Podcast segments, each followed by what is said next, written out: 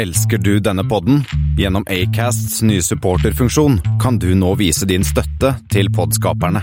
Det er helt opp til deg hvor mye du ønsker å bidra med. Klikk på lenken i podbeskrivelsen for å støtte podkasten.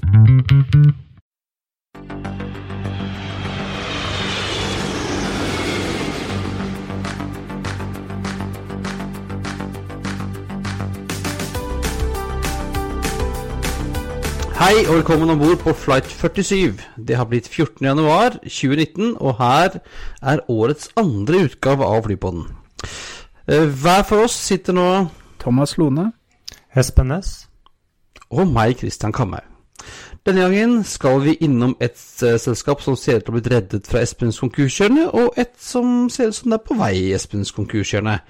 Eh, JetBlue skal kanskje fly transatlantisk, IAGs lavprisselskap skal helt sikkert fly til Norden, og A220 ser ut til å bli en kjempesuksess for Airbus. Og så har Espen og Thomas, uten meg, vært på besøk i Avinor og snakket med sjefen for ruteutvikling.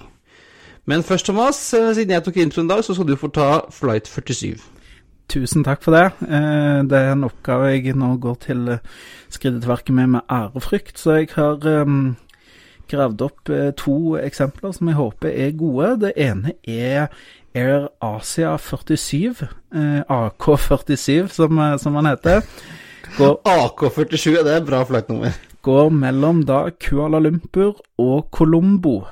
Så det er jo en, en fin flight å ta. Det er vel en, ja, en flight på ca. tre timer. Og det, det på grunn av litt sånn tidsforskjeller, så ser det ut som man bare bruker én time. Han drar fra Kuala Lumpur eh, daglig, er det vel, klokken 21, og lander da på Colombo klokken 22 lokal tid. En annen eh, flight også, um, som er litt, uh, var litt rart at du ikke var innom det sist gang, Christian. Du, du skal jo faktisk fly eh, denne eh, ruta bare motsatt vei, da. Det er United Airlines 47 som går Frankfurt eh, til Houston. Og den Ja jeg, skal, ja, jeg skal jo fly 46, jeg stemmer det.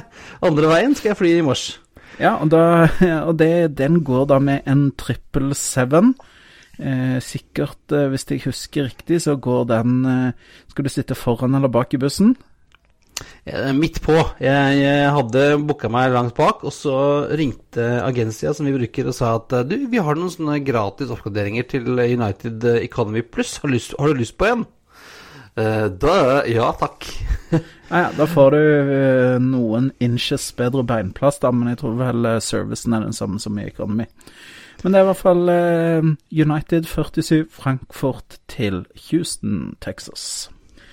Eh, men vi må videre, og da tenker jeg at vi starter i dag i eh, Espens eh, nesten konkurshjørne.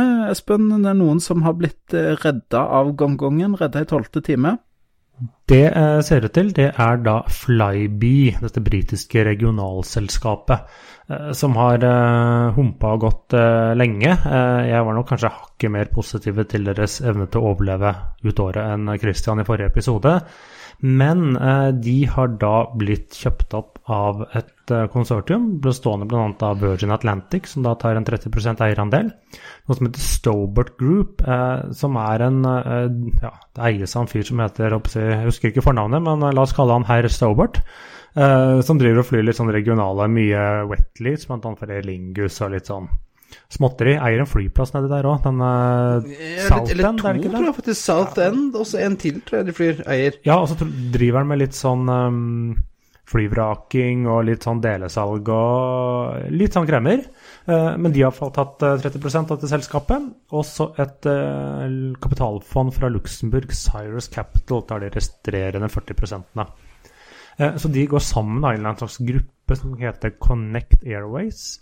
Men eh, det er litt sånn halvuklart. Men eh, Flyby sine operasjoner og Stobart sine de skal delvis gå sammen, men også holdes da litt hver for seg. Det morsomme er jo at, at Stobart flyr jo Wetleys for Flyby, som også flyr Wetleys for andre. Det er litt gøy. Ja. Flyby, Flyby flyr bl.a. Uh, Wetleys for eh, SAS ut fra Stockholm, hvor de har vel en fem ATR-maskiner. Ja, det fikk vi en mail om, Kristian, fra en lytter her eh, på tampen av forrige uke. Han hadde jo vært og flydd eh, Flyby sine arterer ut fra Stockholm, og han var ikke meget fornøyd. eh, Fikk du sett på den mailen? Nei, den, eh, et eller annet som skjedde etter at jeg bytta, bytta telefon, så jeg kommer ikke inn på, på fly, Flypodden-mailen lenger. Men jeg skjønner ikke det. Jeg har jo fløyet den, eh, de ATR-ene til eh, Flyby ganske mange ganger. Til uh, Turku og sånn i min forrige jobb. Så det var helt ok. For å si det sånn, det, det flyet var så skittent at eh, man trenger egentlig ikke bakteriofobi for å sette seg inn i det. Det var så skittent og ekkelt både inni, oppi bagasjehyllene, og på utsida så det ikke ut. Så um, ja, jeg tror her må SAS stramme opp underleverandørene litt. Mm, Men la oss gå tilbake til Flyby. Eh, det, sto jo tydeligvis verre til enn man eh, skulle tro. For det var jo ikke De måtte ikke betale veldig mye for dette. Eh, 2,2 millioner pund, så det er jo en sånn 20, ja, under 25 millioner kroner, er det vel. Eh, så det er jo ikke all verdens eh, for et eh, flyselskap. Det er vel også derfor de måtte putte inn såpass mye penger, da. Ja, det også, så da som en del av det var en, Her har de kjøpt mobiltelefon til en krone, sånn at de må Først skal de låne eh, 200 millioner kroner ca. til Flyby. Eh, for å liksom at de skal ha nok eh, kapital til å komme vinteren gjennom. Og så har de også forpliktet seg til å investere ytterligere eh, 800 millioner kroner i, eh, i hele gruppen. Eh, Hva nå egentlig det skal være. Det er noe et leasingselskap inni der. Eh, Det er noe andre ting. Og interessant nok så skal da dette nye selskapet låne penger til Stobart, som skal investere dem tilbake. Så han der eh, herr Stobart, mister Kremmeren fra England, han, eh, han har tydeligvis gjort en eller annen eh, deal her. Interessant hurra rundt-deal, altså. Ja da, så da, det, handler litt om at de bruker da dette kapitalfondet til å liksom hoste opp eh, pengene. Men det betyr jo uansett at Flyby, som i dag forsvinner, for de skal da døpes om. Det er ingen som helt vet hva. Eh, de skal liksom fly for og under Virgin Atlantic. Eh, men det er ikke sikkert de skal hete Virgin Atlantic. Jeg har sett noen rykter. Noen skal, skal hete V, skal de hete noe et eller annet annet Fly Virgin. Eh, så det gjenstår jo å se. Forrige gang som Virgin prøvde seg på å fly narrowbody, så het jo kalte selskapet for var det, Little Red? Little Red, ja. Det gikk jo ikke Ja. veldig bra. Da hadde de, det hadde de en sånn håndfull Airbus 320 som de leide inn fra Air Lingus. eh, så her har jo til slutt jeg alle ligget med alle til slutt. eh, men eh, det varte vel et par år, og så gikk det til slutt. Men de, de sier jo nå Det blir jo litt sånn spennende. Foreløpig er det bare kommunikasjonsavdelingen som har sagt noe, så det er jo litt sånn wishy-washy positive tanker, eller hva, hei, hei, hei, hei, hei, hei, hei, hei. Men jeg tenker altså, blir det her, blir det her hva da? Bitte Little Red, da, eller? Ja, Tiny, tiny Little Red? Vi får se. Eh, så blir det spennende. De sier at nå skal det liksom De skal ikke si at de skal bygge opp en hub, men nå skal de liksom få litt mer fokus og få litt mer feed fra Virgin Atlantic. Også da sikkert deres eier Delta sine ruter til Heathrow og Manchester. Men eh, det blir spennende å se. Eh, En Q400 i Virgin Farger, det blir fint det, Thomas. Det gjør det absolutt, så jeg gleder meg til å se. Nok om det. Vi må videre, Christian, og vi skal til eh, se på et selskap som ikke er like heldig, og det er tyske Germania som eh, sliter tungt om dagen. Ja, altså vi De har jo Jeg har helt glemt Germania, men de har sånn holdt ut ganske lenge. De flyr jo charter og mye wetlease og sånn ACMI-flyvning rundt omkring. jeg, jeg mener de faktisk har ikke de noen sånne charter iblant til Tromsø og litt sånne Sånne flighter. Jo, det hender at de har noen sånne eh, polarcharter, eller hva de kaller det for noe. eh, og har jo bestilt en hel haug med A320 Neos. Eh, men eh, har nå problemer med finansieringen etter hva de kaller for major burdens. Eh, les høyere fuelpris og lavere inntekt. Det virker jo som disse trenger penger fort, kanskje ikke så mye, men kassa er tom. De trenger friske midler for å vare vinteren gjennom, er vel ikke slik jeg tolker denne pressemeldingen deres. Ja, og så har de jo eh, Altså, de har, de har 37 fly fordelt på tyske Germania og Germania Flug i uh, Sveits. Og så har de jo et som heter Bulgarian Eagle, som også flyr charter og sånn rundt omkring nedi fra Bulgaria. Men altså, det er et selskap som sånn, hadde sånn opp og ned. De var eh, kjempestore en periode, og så skrumpa de sammen, og så har de liksom eh, Sikkert som de har får helt til eh, i Tyskland der. Nei, og det er jo sånn Jeg har sett siden, siden 2013, da, eller to, 2012, da de var på det minste, hadde på en måte konsolidert litt og fått litt kontroll på kostnadene, så har det jo vokst siden 2013. Og det har jo ikke akkurat vært noe suksesshistorie. I 2013 så gikk de 10 millioner euro i underskudd, 14 så gikk de 26 millioner, i 15 så gikk de ca. 7 millioner euro, og i 2016 så gikk de nesten 8 millioner euro i underskudd. Så det er klart, ehm, det er, det er vel et godt tegn på at kassa snart er slunken når du har gått så mye i minus over så mange år. Jeg, jeg, jeg, tror ikke vi gidder å sette noe penger på om de overlever, Espen. Nei, jeg tror ikke vi gjør det. Eh, men eh, nok om konkurser. Men vi kan jo holde oss litt i de tysktalende landene, Thomas. Hva sier du? Level starter nye eh, daglige flyvninger mellom eh, Østerrikes hovedstad Wien og København. Og de starter opp eh, allerede 31.3 med en A321. Og etter sånn som vi ser ut, så ser det ut til å bli en ettermiddagsflight. Og da blir det jo i konkurranse, sterk konkurranse med Austrian, som flyr fire ganger daglig til Wien, og Motion, fantastisk navn for øvrig, som flyr fire ganger i uken. Så um, København til Wien er jo en rute da som det blir eh, kan bli ganske trangt på med um, ja, ganske mange eh, både daglige og uh, ukentlige rundturer der. SAS eh, de trakk seg ut i fjor. Um, det er jo For n-te gang. Ja, det kan jo da tyde på at dette er jo en rute som SAS ikke har fått til, og så kan det også tyde på at det kan bli litt hardt å være på, på København-Wien.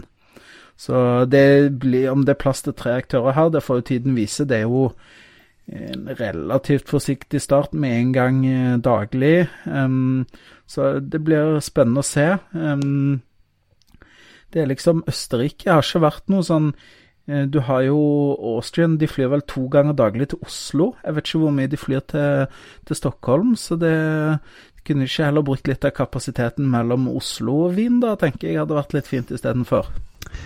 Ja, men altså, Wien er jo en litt sånn spesiell plass. Jeg, jeg, den, jeg har vært i Wien flere ganger, så det er en fantastisk by. Litt sånn under uh, Kanskje ikke for mange som har oppdaget det som en turistby, men mesteparten av disse Austrian-passasjerene skal jo ikke til Wien. Sist jeg var i Wien, var jeg den ene, en av to som gikk av i Wien. Alle de andre gikk videre til transfer. Alle skal jo sånn ned til Øst-Europa og Midtøsten, som, hvor Austrian har et kjempegodt rutenett. Men, men, så, men Wien i seg ja. selv, flyplassen der, har jo eller For det første så bygde de jo nettopp litt ut, men der er det jo nå et skikkelig bikkjeslagsmål mellom flyselskapene, uh, spesielt etter Air Berlin trakk seg ut. Uh, og da deres Eller ikke trakk seg ut, gikk jo konkurs. Og da også deres datterselskap Nikki, som var deres østerrikske divisjon, med, som, med i fallet. For da kom jo først var det jo blant IAG forsøkte å kjøpe opp restene. Uh, det klarte de ikke. Det kjøpte jo Nikki selv, og som solgte det til uh, Ryanair, og som da ble liksom Law Motion. Så det eies jo nå 75 av Ryanair. Uh, og så hadde du Wizz, som plutselig starta en base på, i Wien. Uh, som nå bl.a. har startet en rute til Bergen, uh, da ikke Oslo. Ja, og de flyr også de flyr Billund også til Wien, hvis ikke jeg husker feil. Ja, jeg tror de har basert en sånn fire-fem fly der nede. Og så kom da liksom ja, IAG Nei, de klarte jo ikke da å kjøpe opp Nikki, men de skulle til Wien, så de brukte da det brandet sitt Level, som da egentlig flyr langdistanse fra Paris og Barcelona, og kjøpte opp et eller annet eller fikk til å fly for seg, jeg husker ikke helt, et selskap som het Anisek, som ingen hadde hørt om før, som da flyr noen sånne Airbus 321 på kortruter fra Wien. Så Level henger jo ikke akkurat helt sammen, men det, ja, de er nå til stede. Ja, det kan hende at, eh, at, Wien, eller Østerrike, kan være en sånn eh, havn for sånne brexit-flyktninger, da? Jo, jo, jo, det ser man jo. Østerrike er jo det blitt eh, nye inn AOC-et. Det er jo Europas svar på Panama- eller Liberia-registrerte skip. EasterJet sendte jo bl.a. hele sin ikke-britiske flåte nå til EasterJet Europe, som er registrert i Østerrike. Så det er jo haugevis av EasterJet-fly nå i Europa som flyr rundt med da OE-registrerte fly. Det er sant, men da får vi følge med på hvordan det går med bikkjeslagsmålet i Wien. I mellomtiden så kan vi jo uh, snakke litt om uh, JetBlue. Ja, altså, jeg har eh, nylig kjøpt meg en fantastisk hettegenser i kasjmir fra det italienske brandet Luca Faloni. Jeg kan lese om det på bloggen min for øvrig, Thomas uh, og Espen. Uh, og det ser jo ikke lytterne, men jeg står her nå i min uh, nydelige hettegenser i fargen Atlantic Blue. som jeg mente var en sånn god intro til dette med JetBlue, som, som nå ryktes det igjen er visst nærme å kjøre en transatlantisk operasjon. Ja, for de har skullet starte transatlantiske operasjoner ifølge ryktene i hvor mange år? Ja, noen år, men nå har de jo faktisk bestillinger inne på A321 LR som skal kunne fly Ja, de har ikke, ja, ikke bestemt seg. De har ikke ja, bestemt seg. Nei. Det ryktes i hvert fall at de har bestilt det, Nå finnes i hvert fall et fly som de kan fly eh, transatlantisk. Uh, og rett før så sendte de oss en klage til det amerikanske transportdepartementet, hvor de klagde på eh, bl.a. Delta uh, Colem Air France Virgin Atlantic Joint Venture, som de mente var skapte, ødela for konkurransen. Uh, tydelig at de ønsker seg slotts på, i London, Paris og Amsterdam. Uh, og Delta har selvfølgelig svart at nei, det vi driver med har ikke ødelegger ikke konkurransen, men det er jo en, et faktum at det er vanskelig å få slotts på disse flyplassene. Ja, det er jo kanskje noe som mange ikke klarer. Det finnes jo mange typer joint venturer over Atlanteren. Du har vel eh, Lufthansa, United, Air Canada og kanskje Brussels Airlines har jo denne Atlantic pluss pluss um, joint venturen. Uh, ja, som Starlines-selskapet SAS ikke er med i. Helt riktig. Og så har du da samme OneWorld, der det er American, Iberia, British Airways, Finner er jo sammen. Og Det ser man jo også sånn i praksis, hvordan det slår ut for kunder. er jo ofte det at hvis, eh, hvis en av disse aktørene har salg f.eks. mellom eh, Oslo og New York, så vil man kunne fly på hvilken som helst av de andre aktørene. Ja, de, og de har jo også sånn såkalt antitrust immunity, så de kan samarbeide så mye de vil. Og de har jo ikke gjort det for å være greie. Det er ikke for å skape en sømløs reiseopplevelse de gjør det. De som tror på det, de tror på mye rart. Ja, og uansett, altså, det virker sånn, i og med at nå JetBlue er ute og, og, maser om dette, så kan det tyde på at de har kommet litt mer At de er litt mer konkrete i planene sine om å fly transatlantisk. Eh, og du har jo De flyr allerede transcontinental eh, mellom øst- og vestkysten i dag. Det er en fem-seks timers flight med sine A3 2021 hvor de har denne Mint businessklassen, som ser veldig fin ut. Det slår ganske mange andre businessklasser på nesa. Så, og da legge til en time eller to til uh, Europa, det skulle gå fint, det. Med, med rett, uh, rett, flymaskin. Ja, jeg tror kanskje de også har blitt inspirert av Norwegian og sett uh, holdt jeg på å si hvor stor Norwegian har blitt på denne transatlantiske trafikken, så det er jo klart at um, de ønsker vel å, å, ta en bit av den uh, kaka. Ja, og så har de jo gode huber både i Boston og på JFK, med god feed fra omtrent hele resten av USA. Og nå, Christian, vil jeg snakke om noe som um, ligger vårt hjerte nærmt. Airbus A220. Uh, Delta flesker til, kjøper 15 stykk uh, til og er nå oppe i totalt 90 eh, bestillinger. Eh, opprinnelig så bestilte Delta 75 eh, av denne gode gamle C-Series 100. og mens de nå nye bestillingene er på den nye, litt større modellen A220 300. Så, så, mm, Delta er tydeligvis fornøyd med, med, det de har kjøpt, og vi har jo sett uh, Air Baltic skryter jo denne maskinen opp i skyene, så, så her uh, er det sikkert noen som, som blir fornøyd. Så jo òg uh, en liten notis i dag om at også A220 har fått Etops 180-sertifisering, så da skal du ikke se bort ifra at ja, kanskje jeg ser på veldig tynne marginale transatlantiske ruter. Nå er i hvert fall muligheten der. Ja, de hadde jo et Eh, Airbus på 220-programmet hadde jo en veldig god avslutning på året. Denne ordren her ble jo booket i 2018. Samtidig så fikk de jo en bekreftelse i ordre på en 60 maskiner fra JetBlue og 60 maskiner fra eh, selskapet som ingen vet navnet på, men som alle kaller bare Moxie inntil noen bestemmer seg om noe annet, til han David uh, Neilman. Den ordren ble jo bekreftet, og det betyr at depositumet er betalt. Det er spennende. Du, eh, Espen, har jo regna litt på Sett på A220 versus er det søstera eller broren eh, A319 Neo. Eh, og der eh, har det jo blitt ganske store forskjeller etter hvert. Ja, med da, hvis du sammenligner da liksom stebroren, er vel det beste å kalle det, av 319 Neo, eh, så har jo da A220-serien, som er sånn ca. like stort som en 319, og ti ganger så mange bestillinger. 530-ish, sånn pluss-minus ca., med alle bekreftede ordrene, mot da 53 ordre for Airbus A319 Neo akkurat per i dag.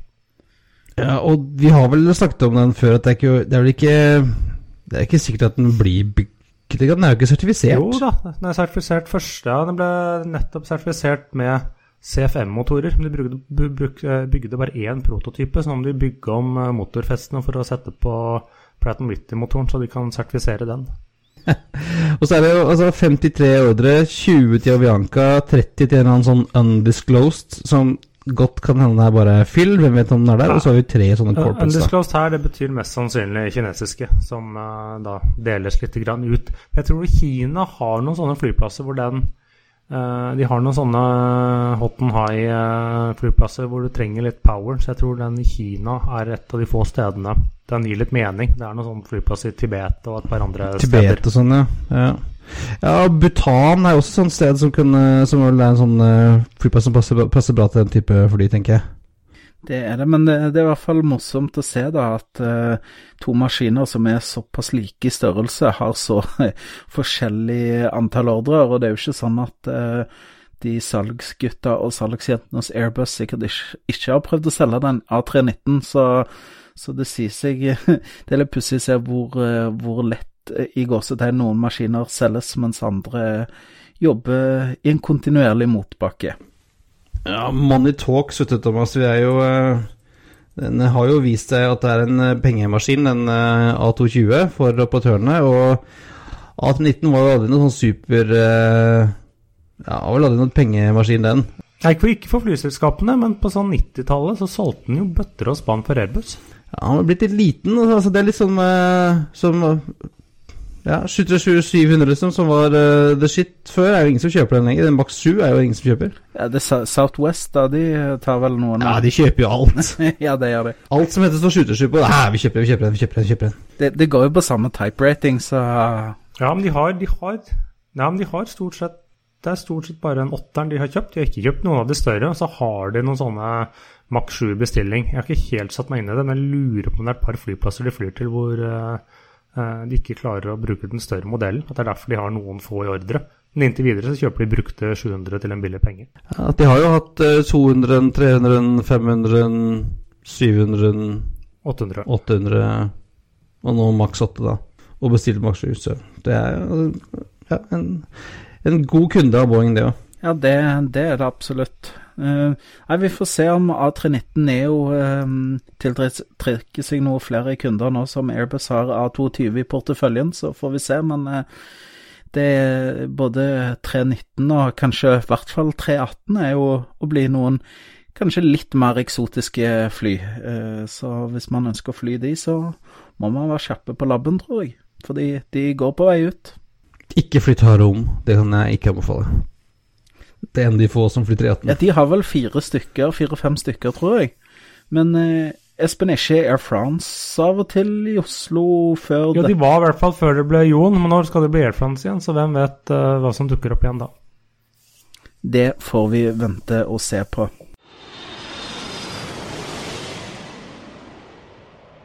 Ja, og eh, Thomas, du har jo snakket mye om eh, Widerøe sine uh, E2-er som skal fly charter på litt sånn uh, odde ruter rundt omkring. Ja, jeg har nevnt en gang og to, ja. Ja, eh, og i dag så booket jeg uh, flybilletter til Kroatia, til Pula. et uh, morsomt sted å dra seg, selvfølgelig. På, på, SAS. Og så fikk jeg litt sånn, litt sånn sjokk når jeg gikk inn og så på Seatmap for å bygge, velge seter, så var det to pluss to. Og så kikker jeg, så er jo, den skal jo flys med CJ 900 Oslo Pula i sommer. Ja, det blir en, det blir en lang tur igjen, 900. Men, ja, heldigvis så fikk jeg plass på rad syv, da, så jeg slipper som, uh, å sitte helt baki der. Ja, Men jeg syns de er ganske kurante. Ja. To pluss to slår alltid tre pluss tre. Ja, altså, og så er det er jo sånn Beinplassen er helt Jeg syns det er helt fin, jeg, på den. Det er litt liten plass til håndbagasje og sånn, da, men uh... Jeg liker godt serien sjøl, det er ikke det. Uh, men det er litt morsomt. altså Det sier vel litt om trøkket i i sydenflyvningen midt på sommeren at de, de, de tar i bruk eh, alle til pumpene og setter inn den kapasiteten som kan for å få folk sydover. Ja, jeg er bare glad at jeg er veldig ferdig med sånne skifte bleie-greier. For det, jeg har skifta bleie på noen barn på en, en CJ 200. Det var trange greier, altså. Det kan jeg tro. Men vi er jo ikke foreldre på den, så vi går videre. Og meg og deg, Espen, vi var jo på en liten uh, tur til Oslo denne uka her. Ja, det stemmer. Vi fikk uh, Audi igjen hos Jasper Sprøyt, uh, så sier vi det sikkert feil igjen, som da er ruteutviklingsdirektør for Avinor. Så vi var og besøkte han hos, på Avinors hovedkvarter i Bjørvika. Og du Kristian, du, du, hadde jo ikke mulighet til å være med, men uh, du sendte med oss noen spørsmål, og jeg håper at du uh, blir fornøyd med det du hører. Okay, so we're here at uh, Avinor's headquarter in uh, Bjørvika in Oslo, and today we're talking with uh, Jasper Sprout. Uh, is that correct pronunciation of your? Yes, it would be different in Dutch, but it's uh, very good like this. Okay, okay, okay. We'll just call you Jasper for now. But um, yeah, you are the vice president of uh, Routes and Development in Avinor. Is that the correct title? Yeah, we call it traffic development. Traffic development, uh, yeah. Coming to the same core. Okay, great. So, uh, thank you for having us to to have a half an hour hour together with you and uh, ask you some question that have been um, uh, been bothering our minds for the last month. So now we're going to get some clarification, hopefully, and that's uh, that's great. Thank you for that. Uh, together, also here with me is uh. Hi. And um, yeah, I think we'll just uh, dive uh, right into this, uh, Jasper, and uh, talk a bit about uh, if you can say some words about uh, what is traffic development, what role do you have in, in the Avinor organization, and and what's the primary focus for your division, and and what do you what are you expect to deliver to the Avinor organization? Mm, thank you, Thomas. Um, yes, well, what is traffic development? Um, I usually um, say it's quite simple. We talk to airlines to grow their business. Uh, if you, however, dive in, uh, dive in, it uh, it is more complex than that, of course. But as uh, Vice President Traffic Development for Avinor, I'm responsible for all traffic growth and development for all Avinor airports. At the same time, this is a very complex system. Uh, we um, operate uh, 45 airports. this will change to 44 later in this year when Haugesund will be on itself. Um, in the day to day, me and my team are talking to airlines to grow their business, uh, but also to partners like Innovation Norway, Fjord Norge, uh, Northern Norge Reiseliv, in order to uh, to grow the business uh, we have. Um, nonetheless, I won't forget the uh, salmon industry or the seafood industry, who was a big contributor to the belly hold exported from Norway as well. Um, what we do is looking really to um, to the network of Norway, and we are serving from the Samfunnsoppdrag, serving the Norwegian economy. So for that, we need a financial healthy Avinor. Um, we can do this by by um, operating as lean as possible, uh, as good as possible. At the same time, we need to grow our top line, and that means uh, more passengers and getting more out of a passenger. If we look to the Samfunnsoppdrag, we also have to take care of a good network serving the Norwegian economy which is very important uh, when uh, Norway wants to diversify uh, away from oil, but make more also out of incoming tourism and seafood exports. And for that, you will need a very healthy uh, connectivity in, into and out of Norway. So we look into um, what kind of market developments do you have in Norway? Where's the demands? Where's the trade links? Um, and so on. So um, we are not a wizard. I'm not a wizard. Uh, we follow really market development uh, when we talk to an airline about growth. And I understand that uh, traffic development that's not a sprint. It's a it's a long term game. Yeah, yeah, yeah. You can imagine uh, an airline operating a 737. You you might um, know better than me, but um, the 737 is an asset of 80 million US. Um, when uh, when I come to an airline and say, "Can you please fly uh, to my airport?" and it is a two-hour flight, and you have half an hour rotation and another two-hour flight back. That's four and a half hour out of the 12 hours, 14 hours that they can utilize this asset, this 80 million US dollar asset. So you need to bring something for that as well. So for airlines, there's a quite big risk uh, to put that asset into your uh, market. Um, and they don't uh, decide on it uh, that quickly, and therefore, indeed, it's a longer uh, lead time. It's not just calling an airline and say, "Hey, we like you to fly uh, from A to B." And I would assume the longer the route, the longer the time it takes. Yeah, that's um, yeah, it's a good observation. usually. Um, uh, well, the economies of scale are changing when you fly a short haul aircraft. The example was a 7.3, but if you look to 787, then uh, some, suddenly this aircraft is costing 150 million, and you cannot do three or four rotations a day, but only two. Um, so the economies of operating such a unit are totally different, um, and the markets you serve are different as well. Uh, can I ask you, when you're out in the market talking with the airlines, what's the the most key selling points for for selling uh, Norway to get them to fly into to Norwegian airports? Yeah, well, don't don't um, get this wrong. We have two very large uh, customers uh, serving Norway um, uh, in a very international way. That's SAS and Norwegian, and then we have a smaller one who's uh, also very important for for Norway, and that's Widerøe. They are the Champions uh, League player in the north, especially, uh, flying from the smaller airports. Um, so for us, it is not hunting tails, but going for routes. the main things are uh, well, the market that is there already, that's usually the business market. Inbound leisure is growing in Norway. So we have the northern lights, the fjords. Oslo is also uh, becoming more popular. And what uh, Norway really has, what is unique in uh, Europe, is outbound cargo. And that is uh, in this. I, I was uh, talking about the seafood industry, and I mentioned salmon, but that is that is big volumes there. And the seafood exports is contributing big time to the long haul aircraft, to the wide body aircraft in the belly hold. Earlier, we have been up to Oslo in a, on a cargo Thursday and see all the Tuesday and see all the big volumes there. Uh, so it's uh, I think that's quite unique for, for Oslo to have such an an, an export uh, capacity there. Yeah, it's it's mind blowing. It's mind blowing if you see um, if you see that. It's I think also quite cool. And I'm not Norwegian, so by the way, thank you for speaking English with me. Yeah.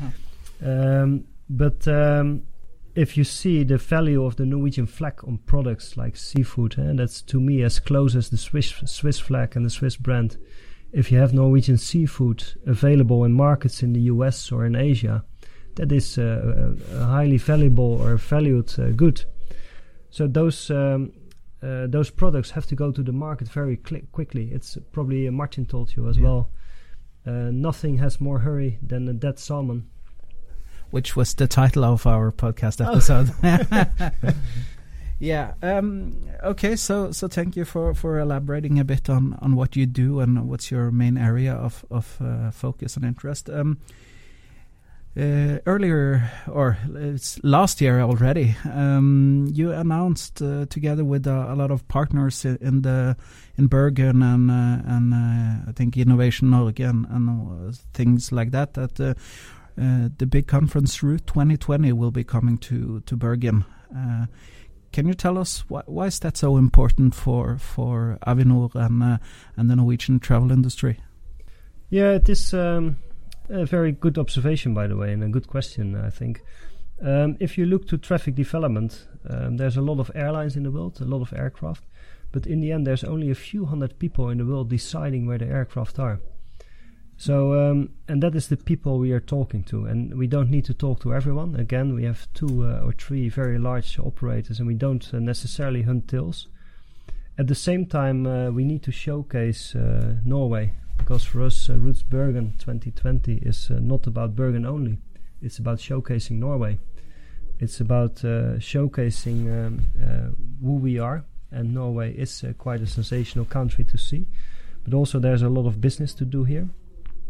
Um, if you look to uh, to the distribution of our network of airports all over Norway, so from Kristiansand to uh, Kirkenes, or uh, yeah, to the far north, Yeah. Svalbard even further.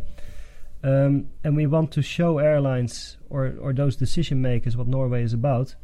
We have to decide where do you go, uh, and then it's a lot of convincing time. You can imagine the competitive arena that we move in. Uh, 25 years ago or so, my job didn't exist. Uh, if you, however, today are not active in traffic development and talking with your airline customers, you're not uh, seen anymore, and you lose out in your in your market development and growth. So, if I come at an airline and ask them who was here yesterday, that can be Hamburg Airport, it can be uh, Schiphol Airport, it can be uh, Gothenburg, and when I ask them who is there tomorrow, they say it's Vancouver, it's uh, Hong Kong Airport, it's uh, New York all those uh, airports are very active.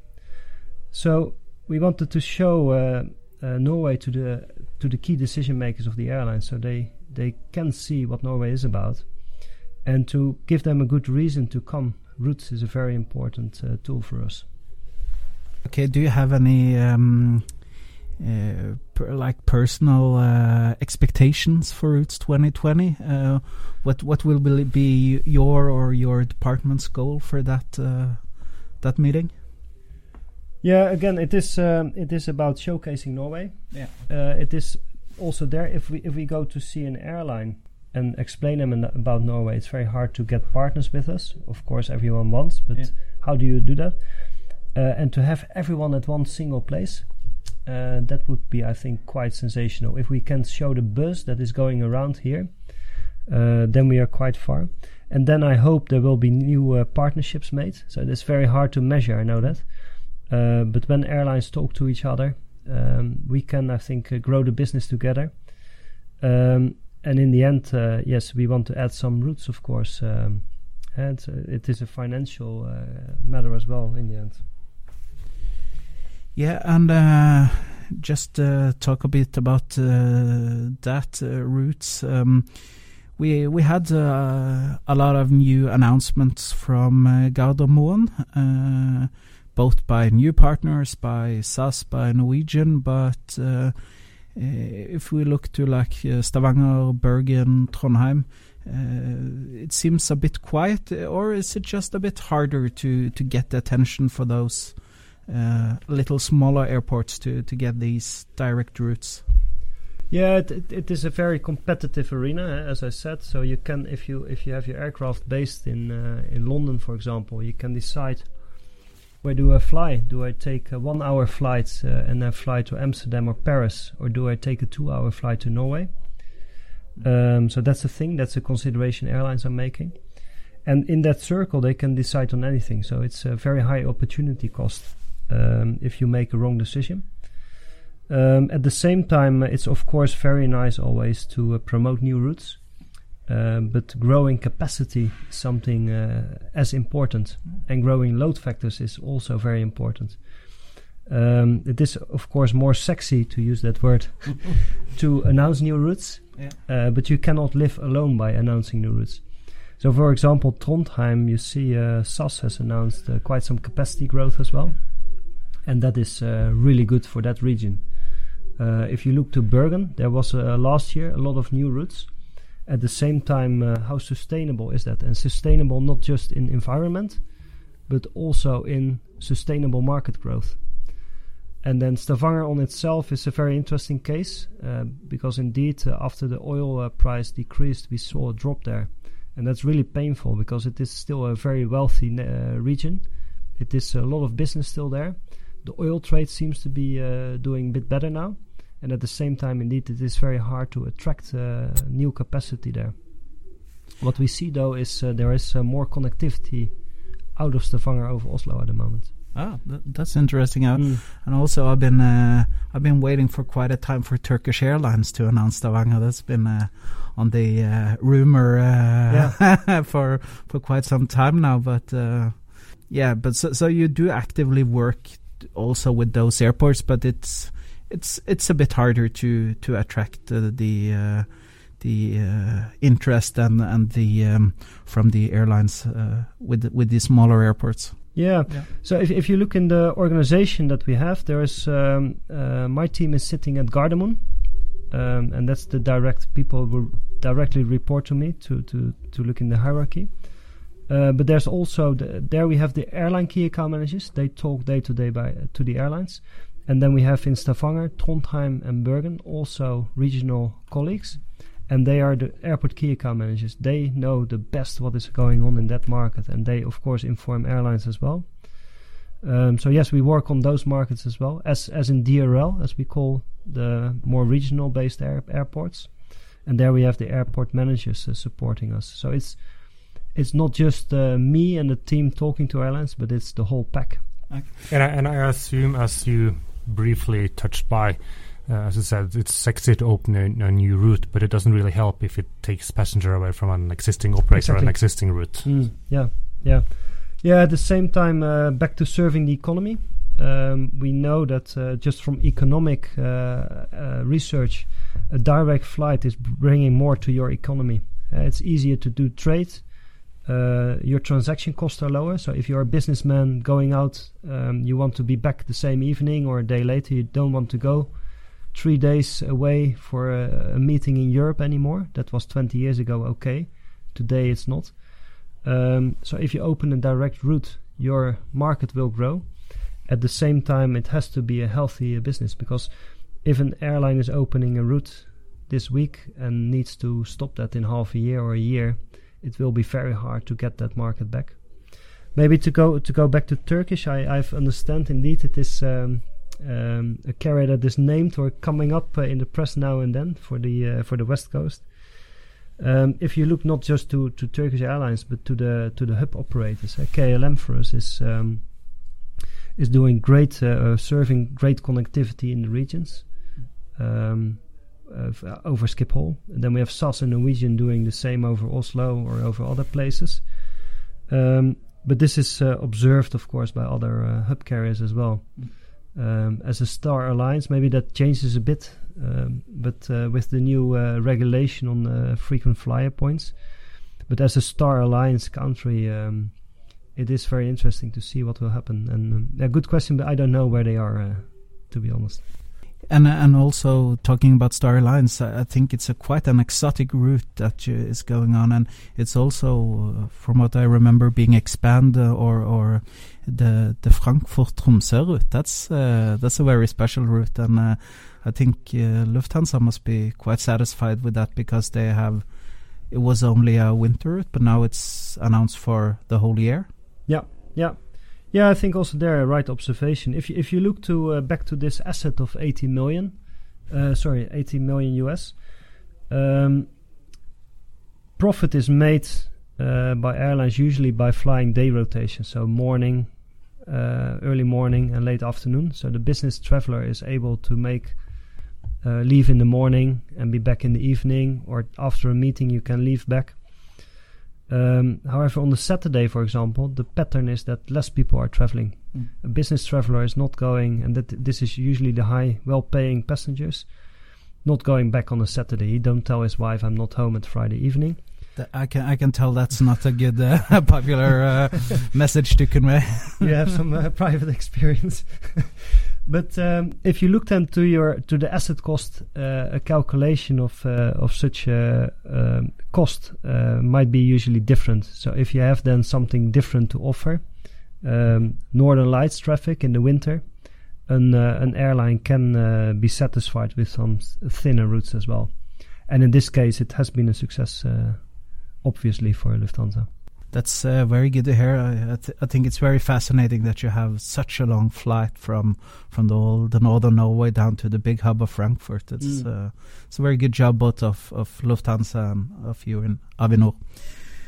Um, in uh, going back uh, from Tromsø to Oslo, there's um, last year it's been uh, some there is ever going con construction at OSL, but more specifically the expansion of the non-Schengen area, which is by many long overdue. Uh, can you tell us a bit about the status and about what uh, uh do you have any plans for, for utilizing this area? Of course, it's bigger space in, in itself is a, is a value, but uh, what plans do you have to use this uh, new expansion when, when once it's clear?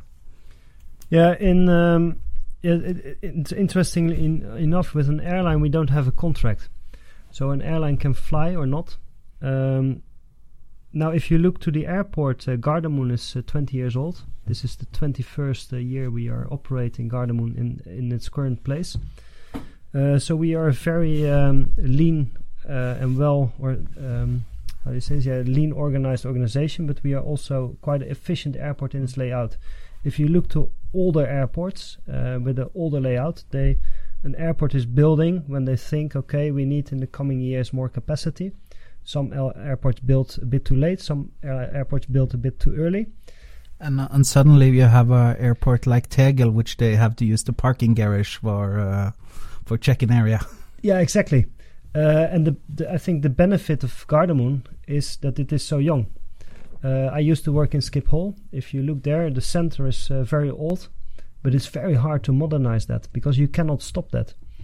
Uh, so we are adding uh, sort of uh, blocks, and we see the demand for non-Schengen is growing quite fast, and that is uh, not just long haul, but it's also in the European non-Schengen area. So the UK is also a growth market.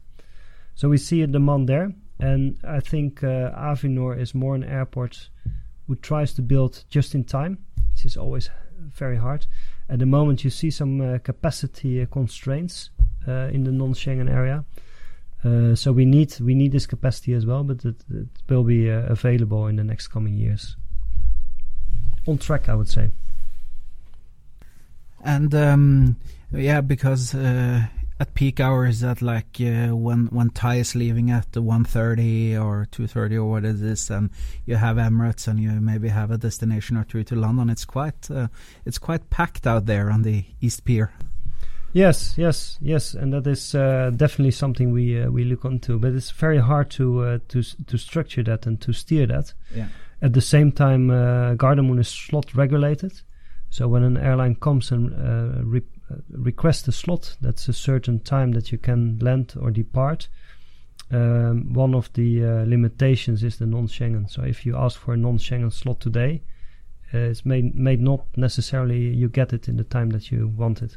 So maybe what your hope will be maybe find a find some airline that really want to leave OSL quite late in the evening when it's really quiet out there. Is that uh, that would be an ideal customer? Yeah. Yes. Um, at the same time, it's very hard talking to an airline and uh, dictating them in yeah. a direction of uh, which time. But indeed, and then um, it's it's coming back to market. Eh? Which market is willing to pay? So which passenger is willing to leave uh, quite late in the after in the evening to a non-Schengen destination uh, from Gardermoen? Yeah. But there's also some uh, some airports in uh, in Europe have some late departure to Asia. Mm. Uh, for me, that has trouble sleeping on an airplane that leaves Europe in the middle of the day. Those late departures are uh, are much more preferred. Yeah. Like ten o'clock in the evening, like yeah. I take in Frankfurt to Singapore with Lufthansa, yeah. for example. Yeah. Yeah, but in in Avinor or the, in Avinor in uh, Gardermoen we don't have uh, that much yet. Uh, so we have a few eastbound uh, long haul departures. Um, but it's it's the more the larger hubs will have uh, will have this because it's also about your connectivity in your hub uh, where you depart and where you arrive, of course. Uh, and uh, Jesper, you talked a bit about uh, slot constraints. Um, we had uh, earlier the, this week uh, a discussion in Flypodden about um, uh, a new airline coming into Oslo in 2019 to to the domestic market. We in in Flypodden we are divided. We are two uh, pros and one con. And and Espen, you can uh, you can uh, tell tell your argument. Why do you think that there will be no new uh, airline flying domestic in Norway in 2019? My hypothesis, as I previously said, was that uh, Oslo Airport is uh, full in the morning and full in the afternoon, at least for short haul. You can't add any more. Is is that correct? Yes, yes, that's correct. So uh, maybe I will need to buy you a bottle of champagne after all, or uh, a little better. Uh, well, okay, 19 so is not done, but uh, I, I I don't expect I don't believe in a third large carrier. We have Widerøe, SAS, Norwegian, and there's there's quite some uh, capacity in those in the, in the domestic market. Um, if you look into the top 20 markets in Europe, domestic markets, Norway has three of them. Hmm. So uh, and then Trondheim, Oslo, with more than two million passengers, is is the largest one. Um, if you look to all those markets, uh, it's all duopolies. So all European markets, there's two operators. Um, so that indicates that there is no room um, in the Norwegian market for a third uh, carrier of the same sort of size or the same sort of profile. Um, so I don't really. I, this is, a, I think, a, also like Turkish Airlines, a, a, topic that pops up now and then. Um, it's not something that Avinor is after, and I'm not really sure if it will work either. Okay. Looking to other markets. And that's even if the you can say that the uh, apparently from what we could see, the sort of yield on the Norwegian domestic market is really good, even if even if it is a high cost market. Is that also correct? Yeah, I, I, I don't know. Um, it's yield you can of course uh, observe by by clicking on websites and you can buy information. There's a lot of um, uh, low yielding flights as well. There is a, that's just the nature of our market. Eh? People are going to Oslo for a meeting or to the big cities for for meetings. That means the load factor overall in Norway is quite low, Mm. but it is quite high. But compared to uh, European average, it's uh, relatively low. Mm. So there's a lot of uh, non-sold seats as well, and that means a loss of uh, revenue. So if you look to the total revenue for the aircraft, it's not about one ticket, but about 180 tickets. And if you only sold 100, it's you miss. Uh, so you're minus 80. Yeah, because I, I noticed that and also preferred if I'm going traveling uh, with my family, if I'm going to, let's say, Bergen on a weekend trip, and if I anyway have the day off, to take those midday flights are always uh, much more convenient. Less people at the airport and Yeah. less people at the aircraft, but not so good business for the airlines, I guess. No, so and that comes then back to uh, does it make sense to operate uh, with a similar sort of carrier aircraft in the same market? Uh, probably not. There is of course some some peak prices, but there's a lot of uh, low prices as well. And um, I think uh, I can say uh, coming outside of Norway, but you know as well, the cost uh, of operating in Norway is just a bit higher. Staff cost is higher. Uh, there's a different taxation uh, in Norway as well, maybe. Uh, so th- that's a thing as well. Handling cost uh, you have. So it's it's about visit cost as well, which maybe in in a market like Spain where you have a lot of domestic travel as well is different. Okay, so I guess that's uh, Killed. yeah. uh, my and Christian's uh, hypothesis for for 2019 got crushed there. But uh, as you said, there is still like 50 weeks left, so uh, you never know what's going to happen. Um, we we have discussed it a bit uh, earlier uh, also about uh, the cargo traffic, the cargo development. Uh, we have seen some pretty good development in the market. There is new added new routes, uh, and and there on, on certain days on on Gardermoen it's packed with freighters and everything. So so I, I guess it's a, a grateful job to to develop cargo. It's uh, I don't doubt it's tough and, and tough negotiations, but. Can you tell us a bit how, how that's going? Yeah, it's um, it's sensational. But if you look to the total uh, amount of uh, seafood exported from Norway, just a very small part. It's uh, I believe around five percent or less. What is um actually airborne from Norway? So there's a lot uh, uh, trucked away. Um, but it is the higher value that, of course, goes uh, by air. Um, if we look into where's the contribution for Norway, Uh, it's of course the whole chain. eh, It's the production uh, in the fjords. It is uh, the transport. It is the value-added uh, services Mm. in the uh, industry. Um, and then for Avinor, it is uh, a very interesting uh, addition to the long-haul network in the wide-body capacity uh, predominantly. There and there is uh, more economic value as well for Norway, because a long-haul flight um, connecting Norway to other growing economies and large economic centers in the world is vital for our development, for the development of our own economy as well. So seafood is more, even more important than you might just think of. Uh, there is some uh, some big exports on the Tuesday. And uh, how is the progress with the with the seafood center? And and what value would that center give you in in terms of today's operation? Yeah. So y- yes, as far as I know, everything is going as uh, as planned. Um, the value, well, there's direct value, then that is uh, leasing out land. Uh, but more importantly, uh, the seafood industry asked us uh, to support them in their uh, supply chain. So it's logistics. The, the salmon has to go out of the nation, and a lot of it is airborne. So they need um, some sort of uh, places to do that. Um, and again, for us, the contribution is also in the wide body planes. It makes it more attractive to operate a long haul aircraft at Gardermoen Mm. when you have access to the salmon. So, for example, in the lower uh, seasons, um, we see that uh, aircraft still needs the full runway because they're packed with the seafood uh, when they take off. So less passengers means more seafood. Yes. Yeah.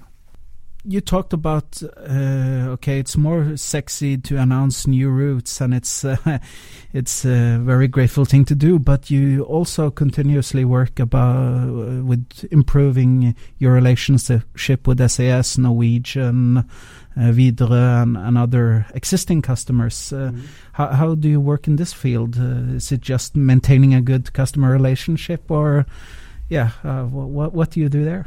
Yeah, well, if if you look to um, to those uh, carriers, as said, uh, Widerøe is um, is champion in uh, connecting Norway in the north, uh, predominantly, uh, but they have quite quite a uh, a good network. Uh, they so they serve the regional economies. If you look to SAS and Norwegian, SAS is doing uh, more or less a lot of flying, also domestic. Norwegian also, but they have a different profile of aircraft. Norwegian, uh, by the way, was in 2018 for the first time ever the largest uh, operator for Avinor. Um, roughly, SAS and Norwegian have about 20 million passengers a year.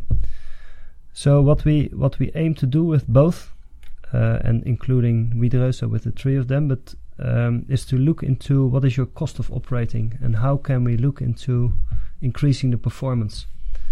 Um, so cost of uh, operating is uh, airport charges. So that is the the charge we have to um, give when you when you operate at our airports, but also uh, is uh, to deliver a good on-time performance um, and to make sure the whole system is working. So that's that's uh, a very important uh, thing we do, and we stepped up in the last years as well. So the uh, so the the um, last announcement of the reduction of fees, uh, subtracting, I think it was six, six tons of max takeoff weight. Uh, some say it's a it's a delayed Christmas present to Widerøe. We was uh, leading a debate where Stein Nilsen uh, directly announced that he would like cancel. That, that was in October. Many of their commercial routes from northern Norway to Oslo. Uh, because of the various uh, taxation and everything, but uh, now they have uh, kept these routes anyway. Uh, so w- was this a gift to Widerøe, a delayed Christmas present? Uh, because uh, when you're flying a, a, a plane with a max takeoff weight of 14 ton, subtract six of those tons, you get a pretty nice uh, reduction in in, in uh, airport fees and, and landing fees and such. No, I don't think it's it's a late Christmas gift. Uh, no, it's more complex than that. You can imagine if we have uh, 54 million uh, passengers a year and you change one kroner somewhere, um, Yeah. that is uh, quite a complex mathematical uh, thing to do as well. And then we have uh, three such important operators uh, out of the 30 plus that are operating. Um, yeah, you always have to find a balance, of course. Um, so no, it was not a, a Christmas gift, uh, I believe. Okay, and and lately we also have a question about the. Um, it caught us really by surprise. We heard some rumors that there are things were were underway, and uh, you announced some some new uh, routes from Oslo to Turkey, and we thought, was this it? And then it suddenly was uh, Ethiopian to Asmara, but that's uh, gone really quiet and. Uh, there have been some talk about like, can you say is it is it dead or is it just uh, on ice? Um, well, I have to say it surprised us as well.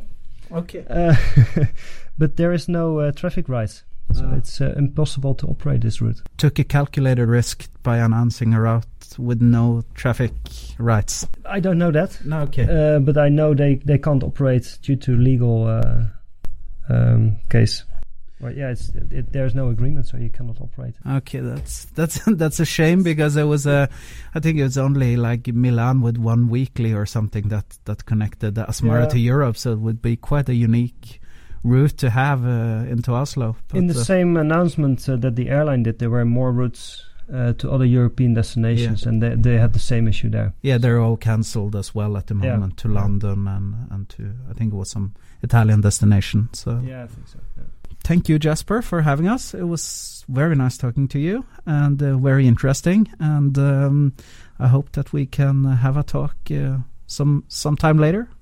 Yeah, thank you very much. I really uh, appreciated uh, this as well. So thank you. You're always welcome uh, to follow up on the conversation. Thank you. Jeg må jo si han var jo veldig åpen eh, med det, syns jeg, altså. Ja, jeg, følte Det er jo klart det er jo mye informasjon han sitter på som han ikke kan gå ut med, men eh, jeg følte òg at han var eh, ganske to the point eh, på en del saker. Eh, han, han har jo tatt ut dissens i forhold til meg og deg da, Christian, på dette her med om det kommer en ny aktør som flyr innenriks i Norge. Eh, da var han ganske bastant, eh, følte jeg da, men Ja, han sa vel at jeg, jeg velger å tolke det han sa, var at på samme størrelsesorden som de to som er der i dag, vil det ikke komme en ny aktør. Det vil si, det kan komme en aktør som er mindre enn de to. Ja da, Christian. Det er håp i det syltynne hengende snøret ditt. Top in the hanging snore, som de sier.